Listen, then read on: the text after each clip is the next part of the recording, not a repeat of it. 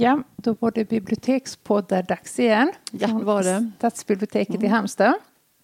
Och det var jättelänge sedan vi var alldeles ensamma, mm. Elisabeth och Jeanette som vi heter. Mm. Och det är vi inte idag heller, för idag har vi en uh, gäst som uh, kanske inte har sprungit hit, det tar vi reda på sen.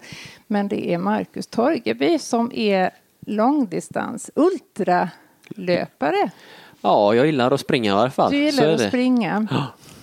Och du är ganska aktuell med en bok om ditt löparliv. Kan ja, man det kan man säga. Mm. Och därför ska du då hålla ett föredrag här på Stadsbiblioteket när vi är färdiga här i podden. Eh, vi tänkte vi är väldigt fascinerade av din historia och det är det väldigt många som är. Din bok har ju gått Jättebra. Jättebra. Eh, vi förväntar oss ganska många som kommer hit och lyssnar. Vi hoppas att mm. det blir så. Men kan du inte berätta hur den kom om till? boken? Ja. ja liksom. Och för mig är ju det jättekonstigt att jag har skrivit denna. Alltså ja. eftersom för mig det känns så, jag är ju snart 40 och just skriva är något som jag aldrig har gjort. Skolan har ju inte funkat och inga betyg och, och sen eh, så att jag fick till det känns ju jättestort. Och den resan var ju väldigt, väldigt rolig. Mm. Ja, men jag fick väl, jag började skriva krönika för några år sedan för en tidning uppe i Åre. Eh, eller jag fick en fråga om jag kunde göra det, så att, ah, men det kan jag inte, men jag kan prata så kan min fru skriva. Mm. Och sen så började det så. Och så efter ett tag, något år kanske, så tänkte jag, men jag, jag får nog skriva ändå, så får hon redigera. Alltså, för det var, för jag kände ändå att jag hade något eget språk. Så, så det började så. Och så blev det ena lättare och lättare på något vis. Och sen mm. för kanske två år sedan så ja, kanske ändå ska jag skriva en bok. För de problem jag har och har haft i mitt liv är många andra som har. Tänkte jag varför flytta ut i skogen när man är 20 liksom. Sådär. Så då tänkte jag, ja, men då skriver jag en bok. Och då är det lika bra att höra av sig till de som jag tyckte var bäst. Så mm. då hörde jag av mig till dem, Offside, mm. det förlaget. Mm. Skickade in eh, fem sidor med lite bilder som min fru hade tagit. Och hon, vi hade mer tänkt som en coffee table-bok med bilder och korta texter. Mm. Så när jag träffar Mattias som är redaktören där så säger han, ja men det här är bra men du vet vi jobbar med text, kan du tänka dig att skriva mycket mer? Jag bara, mm. nej, jobbigt. Mm. så jag tänkte, ja men och så säger han, du börjar skriva i presens sa han. Och jag bara, men vad är presens? Mm. Ja men det är liksom som att du är där. Ja då fattar jag hur jag skulle göra. Mm. Så då skrev jag tio sidor på tre månader kanske. Och så efter det så sa han, det här är jättebra Marcus. Mm. Här får du ett kontrakt. Så då gjorde jag det. Så det var ju väldigt, väldigt roligt, väldigt otippat och att jag kunde njuta av att skriva just som bara mm. typ har sprungit och varit i det fysiska så. Mm. Så det var jätte förvånansvärt eh, roligt. Även om det varit lite frustrerande för jag, när jag varit frustrerad inne så har jag ofta löst det genom att göra något fysiskt. Mm. Men det hjälper liksom inte på samma sätt när man skriver, man får bara sätta sig. Mm. Gott sittfläsk. Ja, men så gjorde så. Jag var ute och sprang två timmar på morgonen och så funderade jag lite på vad jag skulle skriva. Så satt jag mig kanske tre timmar och skrev. Mm. Och sen var det that's it liksom. Men du, blev du lika sådär besatt av det här skrivandet? Eller så var du lika Nej. fokuserad sådär liksom? Ja, men... Nu ska jag skriva ja. så som du har talat om löpning. Ja, lite så tror jag, för jag ville ju att det skulle bli bra ändå. Alltså mm. för min, att jag kände, så jag var ju noga. Mm. Så jag skrev och så läste jag för min fru och gillade hon det så behöll jag det. Mm. Gillade hon det inte så raderade jag. Så jag hade liksom ingen prestige där, men för mig var varje mening tog lång tid. Mm. Den är ju ändå, det handlar ju om, det är ju 30 år av mitt liv mm. och den är ju bara på 170 sidor så det är ju inte jättemycket ord menar jag. Nej, men det är lite ovanligt för jag har läst lite recensioner och så. Mm. Vi har tyvärr inte hunnit läsa boken. Nej. Det kom lite hastigt på det här mm. besöket. Eh, men den har fått beröm för sitt språk. Och det är ja. ganska ovanligt när det handlar om biografier. För de brukar, det brukar skrivas av personer som är, brinner för sitt ämne men kanske inte är så himla Nej. Nej, det har ju varit jätteroligt och Bodil Malmsten skickar ju, jag tror fått tre mejl från henne. Ah, det är ju stort. Det vore idol, det vore Då sa hon så här bara, ja men Marcus, efter att ha läst din bok så inser jag att jag har levt mitt liv helt fel. Ja, men det. det är inte för sent förrän det är för sent. Nej. Det var fint. Det var fantastiskt. Och för mig så, hon har alltid varit lite husgud åt min mm. hustru. Mm. Så det var så lustigt för hon sa, men Marcus jag tror du ska skicka en bok till henne. Mm. Och så tänkte jag inte så mycket på det. Men sen så var jag på någon sån, eh, och så Malou på TV4 mm. och då var hon innan mig. Så då gav jag till ah. henne. Så hur hon av sig dagen efter hade hon läst den. Så det var nog någon gemensam grej lite att mm. det med maten, att hon hade haft problem med det och jag mm. och så Jämtland och skogen hennes ja, bror var en av de första som hade klättrat på Mount Everest som svensk. Mm. Så på något sätt så men jag, jag, skrev bara, jag, keep it simple, liksom enkelt. Jag, jag, tänkte, och jag kan inte, det är bättre att jag håller det enkelt för då gynnar jag folks fantasi tänker jag. Mm. Alltså om jag liksom låt den världen växa. Mm. Istället för att bara skriva så massa. Jag tycker det är för mycket ord ändå. Mm. Och jag kan ju inte skriva så då är det bättre att skriva lite. Du gillar ju det avskalade. Då, ja, lite så. Men eh, nu har vi nämnt det här med, med skogen och eremittillvaron. För alla som inte känner till det så kan berätta själv. Hur, du flyttade ut? Ja, jag var ju lite över 20 och livet var ju kaosartat. Mm. Så som det kan vara för många är klart. Och min lösning på det, jag bara kände att ingenting funkar och det landade i att ja, men jag måste hitta min riktning i detta. Hur ska mm. jag göra? Mm. Jag måste sätta mig i en situation där jag är helt själv, tyst, utan radio, tv, musik, mm. inga val. Så då landade det i skogen. Mm. Så då bodde jag ju där i fyra år helt själv. Och det kan man ju, det fattar jag inte riktigt från början. Fyra år är en lång tid. Hade du bestämt det från början? Nej, nej inte fyra år, men ett nej. år hade jag bestämt. Ja. Så jag, för jag var ändå liksom intresserad av att se hur kommer årstiderna påverka mig. Så, så, mm. så ett år hade jag ändå bestämt. Men att det blev fyra, det var ju bara för att det var så himla härligt. Jag längtade liksom aldrig bort och var aldrig sjuk. Och livet, vakna varje morgon och var sugen på mer. Mm. Det är fantastiskt och aldrig vara trött och vara omotiverad. Nej. Det var helt fantastiskt faktiskt. Mm. Tänkte du att det skulle bli så när du nej, gjorde det? Nej, Var nej, du rädd innan du gjorde det? För det är ju något väldigt det där, det är ju att utmana sig själv, just att vänta in sig och, och inte utsätta sig för massa olika stimulanser och grejer. Utan, nej, som jag förstår ja. det, liksom att du... Ja, men jag var ju så pass uh, fylld innan så jag kände att på SS så måste jag bli lite tom liksom så jag kan mm. öppna upp igen. Och det fanns jag... ingen skräck i det tomma? Nej, nej, det var det inte. Men det var ju fruktansvärt jobbigt när jag var där. När mm. rastlöshet kommer över efter par månader utan att göra och mörkrädsla. Jag var så sjukt mörkrädd fattar jag inte. Så, så, det tog ju, jag hade ju mina kamper kan jag säga. Men det är ju de kamperna som också har lärt mig. Ja, det, det, kan jag, det är nog det som jag har kunnat ta med mig i det livet jag lever nu.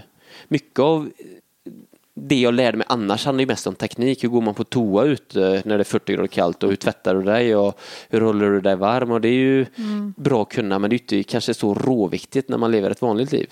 Men sättet att bli av med en fobi och en rädsla är ju mm. något som jag kan applicera på massa andra mm. områden. Mm. Så, så, så, det har varit... KBT. Det, ja, och jag fattade ju inte det. Jag var ju bara tyst och svaren mm. kom ju till mig tack vare att jag var tyst. Mm. Så det lärde mig någonting att vi, ja men det är lite så som i den världen ni jobbar. Bibliotek, folk vill lära sig så mycket och det är ju intressant. Mm. Man ska förkovra sig men jag var ju mer inne i att men jag har redan så mycket i mig, jag måste mm. plocka fram det, jag måste mm. stilla mig. Mm. Så, så därför tänkte jag klart, det handlar nog inte, nu snurrar jag in på något håll men ibland så när det blir för mycket intryck så blir det nog svårt att hitta riktningen. TV, radio, musik hela tiden. Men du, om vi tar en sån där konkret sak som det här med mörkrädsla då, för jag är väldigt intresserad av det. Eh, hade är en obehaglig upplevelse igår faktiskt. Det var några barn som skojade med mig när jag var ute och gick med ja. hundarna i skogen på ena sidan, några sommarstugor på den andra. Mm. Och de hoppade fram och skrek och jag blev fruktansvärt rädd. Eh, och sen började jag skratta för jag tyckte det var något absurt med det hela. Men, men lite det där med mörkrädsla, hur, Ja, men jag hade en känsla att någon, nej men jag, först var det bara total panik, jag luktade mm. stressvett och mm. hade en känsla att någon hela tiden går bakom mig. Oh, oh. Och det bara, det bara gick inte bort, bara mm. månad efter månad och i början tänkte jag, men kom igen nu Marcus, vad är det för himla mes, det vill inte vara rädd för. Och när jag tänkte så, så blir det bara värre. Mm. Och sen ytterligare två månader så tänkte jag, men det här går ju inte. Hur ska jag tänka nu då? Så då försökte jag tänka mm. positivt. Mm. Och det hjälpte inte ett skit det heller. men vad jag, var det du var rädd för? Var det något jag konkret? Vet inte. Det var någon som gick bakom mig. Jag bara känner att oh. det är någonting som uh. inte vill mig väl som går bakom mm. mig. Och i början vände jag mig om och när jag vände mig om då såg jag inget. Men i mitt huvud blev det ju bara att ja, men det står ju där bakom ett träd någonstans. Flytta sig lite när du så. vände dig. Ja. Och så gick jag ofta ganska fort och ju fortare jag gick oh. närmare kom det. Så det var, jag kände mig mm. jagad liksom. Mm. mm. Men det var först eh, fy, i december, jag har varit ute i fyra månader. Då släppte det. Ja, men jag kom till insidan, ja, men jag är ju mörkrädd och så accepterade jag det. Mm. Och det lilla ordet gjorde att allt släppte. Mm. Och, då, och det här kan jag ju mm. efteråt nästan tycka låter lite löjligt. Men jag hade ju inte läst någon bok hur jag Nej. skulle göra. Nej. Utan svaret kom ju från mitt hjärta liksom. Mm. Och det var ju en häftig resa för att göra och få uppfinna det hjulet på nytt. Så då tänker jag, så jag bara kom till ja men det är okej okay att vara mörkrädd mm. och då, så, så då var det Klingade det av då? Liksom? Ja, det var bara från en dag till en annan så var det helt borta. Ja, liksom. coolt. Så, så det var stort. Ja, jag ska tänka på det när jag är ute och går. Att det är okej okay att vara rädd och det är ingen fara liksom. Mm, jag brukar tänka så att jag inte ska släppa fram det. Ja, men jag att, tror- jag, ja, men att jag på något vis, jag tänker att jag ska ha kommando över det här, jag ska inte släppa fram rädslan. Nej, nu skakar du på huvudet. Nej, Ja. jag, jag tänker precis tvärtom. Det är, alltså, Att acceptera, det blir ju som ett avstamp för att komma vidare. Det blir som, okej, jag har dålig kondition, det är okej. Då kan man ju börja jobba med det, eller vad man nu har problem med. Istället för att bara, men, kämpa emot och inte släppa. Det handlar mer om att släppa fram det. Och, bara, men det här är ju, och, och så utgår man därifrån. Då blir det som ett sätt att... Det blir Jo, som, men man kan också konstatera att nu är jag rädd. ja. Ja, det är inte farligt, jag är rädd Nej. och det går över. ja, precis. Men det var ju det jag inte inte över. riktigt visste. Nej. Jag hade, det fanns ju en osäkerhet, kommer det vara så här? Jag, bara, jag fattade att jag, men det var när jag ändå bara, okej, jag är verkligen detta och det är okej. Då var det som att det släppte. Jätteintressant. Mm. Man kan också tänka på att, att när jag tänker att jag inte ska släppa fram det, att jag är så rädd att bli liksom mina känslors rov på något sätt. Att om jag släpper fram precis hur jättemörkrädd jag är så, så blir det bara kaos. Ja. Men man kanske ska smaka på det där. ja, jag tror det och så känna att det är på något sätt okej att vara, för det blir, ja, mm, ja, jag kunnat använda Ja, det på många områden i alla fall. Att jag menar, stå framför folk och prata i panik. Och i början så kunde jag inte hand, handskas med det nästan. Och sen så efter detta så kunde jag mer tänka, ja ja, men det är inga, det är inga fara. Det är okej att vara rädd liksom. Och vad är det som kan hända? Ja, det skiter sig. Ja, det överlever jag ju. Och då var det som att det lättade på något vis. De vill dig väl, de som kommer. Så får man Ja, men lite också. så. Så de kommer ju oftast för att de vill. Ja. Och mer att släppa fram det som ändå finns där på något sätt. Mm.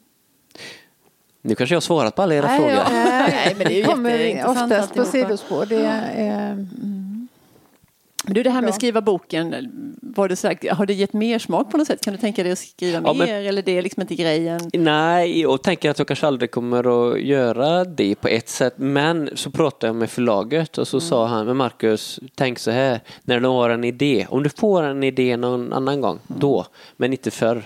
Och det är lite så jag tänker att jag är ingen författare utan jag har gjort detta och varit jätteroligt. Och så har det gått jättebra. Och det är ju kul och så får vi se vad det blir. Jag känner inte att det här är mitt nya kall liksom. Nej. Och så vill jag nog ha det när det gäller det mesta. Så. Det blir lite så, det blir lite så, vad kan man säga, ibland känns det som det blir lite pressat mycket. Man ska, ja, jag- nästa bok. ja nästa så, så är det aldrig tillräckligt. Men jag tycker, Nej, men jag har nej, gjort det precis. kanon liksom. Det räcker. Ja. och så får vi se vad det Ja. blir Ja, ja, ja. ändå. Du hade ett citat. Ja, men jag har ett citat som jag blev, jag läste, vi läste ju på här lite idag då och så hittade jag, det var just vi pratade om recensioner innan, Mm. i Arbetarbladet så var där en väldigt fin tyckte jag. Eh, och det, den handlar om, och hon kom så småningom fram till hur hon tycker den är skriven. Känner du igen det här? Hon heter Bodil Juggas som har skrivit den.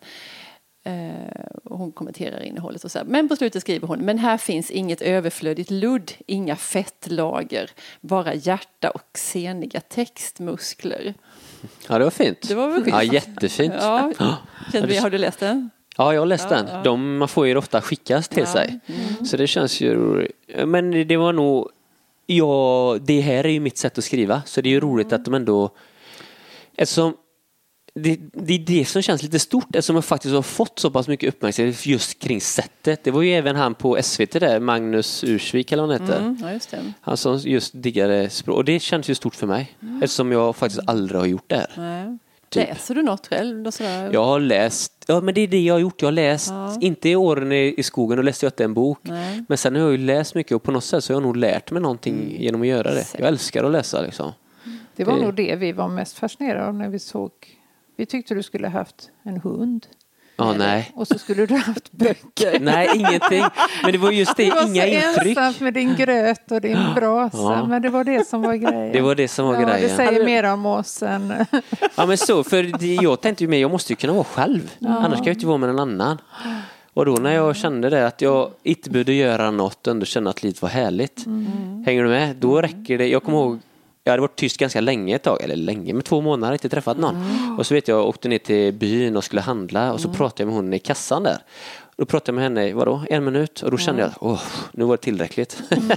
då var det som att du öppnade upp så mycket, du behöver inte sålla någonting. Och få komma till den punkten var ganska nyttigt tror jag. Jag menar så som jag lever nu och så som ni lever så handlar det mycket. Man, man väljer att sålla för att inte bli överkokt. Men att få vara i en miljö under lång tid där du kan bara öppna upp 100 procent. Det, det, var, det, det Mm. var nog, för mig var det nyttigt. Det tror jag kanske lite vår tids stora utmaning så. Att det är väldigt mycket, väldigt mycket intryck av allt möjligt liksom. Mm. Och då tror jag det, det, det är kanske lite därför jag fortfarande springer tror jag. Det blir som ingen musik, bara få vara ute med mitt eget blod på något sätt. Mm. Så, så ja, så är det. Men du, kan du berätta, alltså, om du jämför hur du lever idag liksom med de här fyra eremitåren, om vi kallar dem för dem. Du, liksom bara, du har tagit med dig jättemycket såklart, Ja, som du använder i vardagen. ja så är det ju. Ja. Men jag menar nu är jag ju gift och tre barn och så livet är ju helt annorlunda på många sätt men ändå inte. Jag, jag kan ju fortfarande känna men vad är det som är viktigt? Alltså det är tid för barnen och en badar och simmar under vattnet. Det som egentligen inte kostar något. Som bara kostar att jag gör det. Alltså det som är runt knuten. Det är inte så, så det är nog jag menar jag njöt av att, jag levde ju på 800 kronor i månaden under de åren, är inte så mycket. Och kunde njuta fullt ut av det och sakna inget. Det har jag ju med mig nu, är klart. Att det, vad vad är det som är det? Vad är det som är viktigt? Sen är det ju, jag blir påverkad det är klart av det som är runt omkring mig. Så jag måste ju göra grejer så jag håller mig på banan. Så. Det är därför jag fortfarande springer tror jag. Eller förstår du vad jag menar? För om inte jag tar aktivt beslut vad jag vill så kommer jag ju bli påverkad av andra som vill att jag ska köpa massa grejer. Och det är ju inte det som är grejen. Nej. Så, så Nej, men du, du är ju något på spåren får man ju säga om nu. Jag läste en artikel häromdagen. Eh, det finns trendspaningsföretag som förutser hur eh, vart vi är på väg. På väg. blåser så att säga. Eh, då finns ett stort ansett företag som heter Kairos Future som pratar då om 2016 års trender och då är det enkelhet som står i fokus. Vi söker lösningar och rannsakar oss själva. Vi kommer att dela istället för att äga. Det är en tydlig trend. Det är bilpooler och det är gemensamhets eh, lösningar om man vill samla in pengar och så vidare. Spara är det nya låna. Eh, och slutklämmen då var att eh, självfrälsning genom att äta rätt, hålla sig frisk och leva ett enklare liv. Så man kan ju hoppas i alla fall. Eh, Ja, för jag tänker ju bara, jag är ju inte någon miljönisse egentligen så. Även om jag, det var inte det, det som var anledningen till att jag flyttade ut. Men det blev ju ganska tydligt när jag var där ett tag att jag såg att det jag gör får konsekvenser. Eller det jag inte gör får konsekvenser. Och Då blir det ju lätt att tänka i ett större perspektiv. Alltså lite så Jag kanske man inte får säga här. Ja, men vi bytte säga namn då. Men jag, min, jag har en kusin som är högt upp i bank. eh, Liksom. Och hennes chef som är en av de största i Sverige, hon bara, ja, men du vet, jag äter ju bankdirektörer till frukost. Liksom. Jag bara utnyttjar dem fullt ut och sen när de inte orkar mer så sparkar jag ut dem och så tar jag nästa. Och det är sådana som sitter och bestämmer liksom. Som bara är helt dumma i huvudet på riktigt.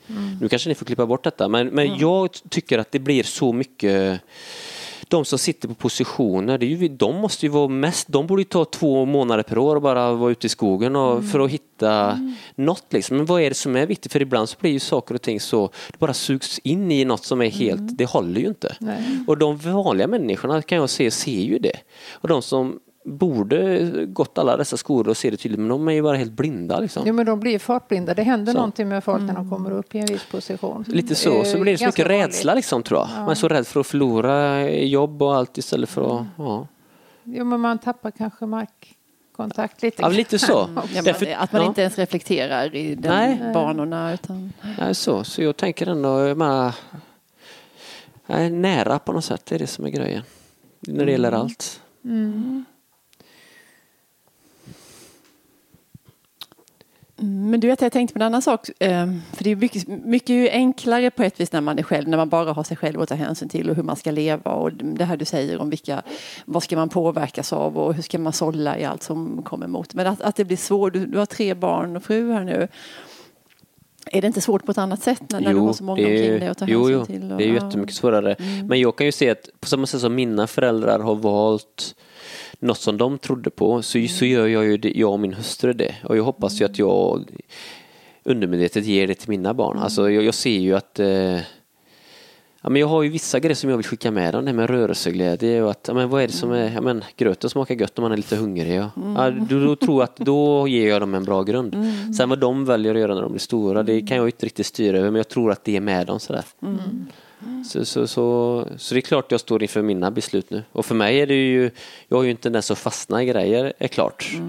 Och då är det ju kanske lättare att vara ensam i skogen än att vara trefamiljsfar. Då handlar det mer om split vision, det är lite svårare. Så det är en stor utmaning. Det är nog därför jag ändå jag menar senast för en månad sedan så var jag den äldsta dottern ute i skogen och bodde i, i kåtan. Och, så, ja, men du vet, för att ha kvar det där lite, hitta de stunderna i, i Men livet. visste folk om det att du, där bor han den där? Nej, det tror jag inte. Nej. Jag menar, nu efter, jag, menar, jag bodde ute fyra år och det är ju tio år sedan jag flyttade in. Nu, nu tio år senare, är klart folk har vetat de som har sprungit och gått nära och sådär. Och jag... Men jag du, gjorde blir, du blir ingen attraktion menar Nej, nej. jag. Det, och det, där, det fanns ju ingen som visste var jag bodde. Alltså det Nej. var inte många. Och det, man hade inte vägarna förbi så. Så är det ju. Så det var ju, jag körde ju det i mitt eget huvud liksom på något sätt. Sen, sen, att jag, jag hade ju liksom ingen ingång att jag gjorde, jag gjorde det för att jag behövde. Jag vet inte om jag hade levt annars. Och sen nu, Nej, det tänkte jag också på. Nej, så det tror jag inte. Så, så var det. Och, men nu så ser jag att ja, men nu kan jag ju använda det på något sätt. Så, så det landar ju för mig, ja, men gör saker och ting fullt ut på riktigt med ditt eget hjärta, då blir det ju bra liksom. Du har ju en ganska berömd föregångare. Vem tror du jag tänker på då? Är det eh, Henry David eller? Ja, det är det. Ja, Henry David med honom. Ja. Han, jag vet inte, ni har ju inte läst boken men eh, Nej. jag läste ju Skogslivvallen när jag var 17. Och den är ju jättetrög den boken tyckte jag då. Ja. Och jag har inte läst ut hela men den, har jag ju, den blev jag påverkad av. Han bodde ju ute ett år i en stuga och så skrev han ju utifrån enkla rubriker och det var något i det som tilltalade mig. Så jag hade med mig dem, jag pratade inte med någon om det men jag hade med mig de tankarna sådär. Nej, men för, för vad man förstod efteråt att han var ju inte så himla ensam som han gav sken av. I, i, det var ju en stadig ström av... Människor ja. ja eh, Nej men precis, men på något sätt så har han ju ändå gjort ett avtryck så. absolut. Han gick ju ändå hem med sina smutskläder till sin morsa och sådär. Jag tyckte han var ruggigt klen men, men han, eh, han valde ju att skriva något annat. Ja. Och, och på något sätt så, så, så var ju andemeningen god Jo, ändå. jo, absolut. Det är ju en hyllning till enkelheten. Och, Så där att det finns något i... Men tänk om vi kan träna oss till att vara nöjda med lite istället för mer. Alltså på något sätt så finns det ju... Det blir ju sätt att höja njutningen tänker jag. Att li, lite... Och nu, jag tror, ja men vi är ju lite, ja, jag kan känna att man är mer tillgodosedd på alla plan och då är det ju svårare att känna saker och ting. Det är ju lättare, okej nu är det svinkallt, mina tår är vita, antingen fixar jag det eller så ramlar de av. Då är det så enkelt vad jag ska göra. Och så gör jag det så är det bara, mm vad härligt det här är. Jag ser värmen börja komma. Och det kan ju låta jättekonstigt men det finns någonting Nej, i men, den ja, tryggheten. ja men absolut att man kan träna sig till det. Ja. Och vi, vi tittade på den här dokumentärfilmen i fredags och, Ja. och det var det där citatet om bananen som vi, vi, vi fnissade åt båda två. När du, Det var när du var i, någonstans Tanzania. Tanzania och, och du sa, redan kvällen innan så ser jag fram emot den bananen som jag ska få äta imorgon när jag har Ja. tränat. Det Men där- jag kan ju också berätta det, det skriver jag i boken. Det, det var, jag var inte frisk när jag kom hem därifrån. Nej. Det satte sig som en ätstörning. Så. Är- alltså, så jag har ju... Jag hade ju kunnat unna mig den bananen på kvällen egentligen så. Sen så fattar jag ju vad du menar, att det finns något fint och bara att den där lilla bananen kunde betyda så mycket. Men det Ja, var för det, ju... det kan också vara någonting som man bara äter i förbifarten utan Ja, att tänka precis, på att precis. man överhuvudtaget gör det. Men, Nej, men eh, vi längtar ju aldrig efter någonting utan Nej. det är ju omedelbar eh, behov. Ja, Ja. oavsett vad det är. Eh, Om du är sugen på att höra en låt så är det ju bara Spot- Spotify. Ja. Du vill liksom inte gå och bläddra i skivbackar eller hoppas på att det ska spela Nej, och det är nog lite det här som jag tror... Eh, ja, där är en utmaning tror jag. Mm. Men du, du ska ut och prata om en stund för Ja. våra biblioteksbesökare här. Eh, Kan vi liksom, vad är liksom kärnan i det du vill förmedla? Kan, ja. Nej men på något sätt så Anledningen till att jag flyttade ut det var ju att livet var så kaosartat och jag kände att jag måste ta hem ansvaret. Ibland när det är jobbigt så är det så lätt att försöka fixa sig någon som ska hjälpa en. Och hela min grej går ut på att ja, men det är ju upp till mig och det kan ju låta så jobbigt men jag har ju varit i situationer där det har varit på gränsen och allting har landat i att ja, men jag måste ta hem det liksom. Och det är först då som det är påverkningsbart. Du kan inte skylla ifrån dig. Det är väl en sån grej. Och, ändå. Och det här är ju, jag menar, jag vet inte hur mycket ni vet, men mamma var ju sjuk och hon dog och det var ju bara hejkon bacon liksom. Och det är så mycket vi inte heller kan styra över. Och det får man ju försöka släppa. Det här kan jag påverka, då gör jag det. det andra, jag menar, jag ju inte påverka att mamma fick MS Nej. när hon var 28 år. Eller Sådär, eller att farfar får cancer, men du vet så. Så det får man ju bara, men ändå att man inser att man har eh, ett ansvar mot sig själv så. Så det är väl en grej. Ja. Ja, tusen tack. Det var jätteintressant Ja. att prata med dig. Verkligen. Ja, vi är lyckligt lottade här i podden som har så spännande gäster att plocka in. Eh, Det kommer nya program framöver. Vi har utlovat ett julspecial där vi ska ta lite sådär Ja, lästips. vi hoppas vi hinner före jul. Ja, vi hoppas det, jag tror det. Tack för idag. Tack för idag, hej då.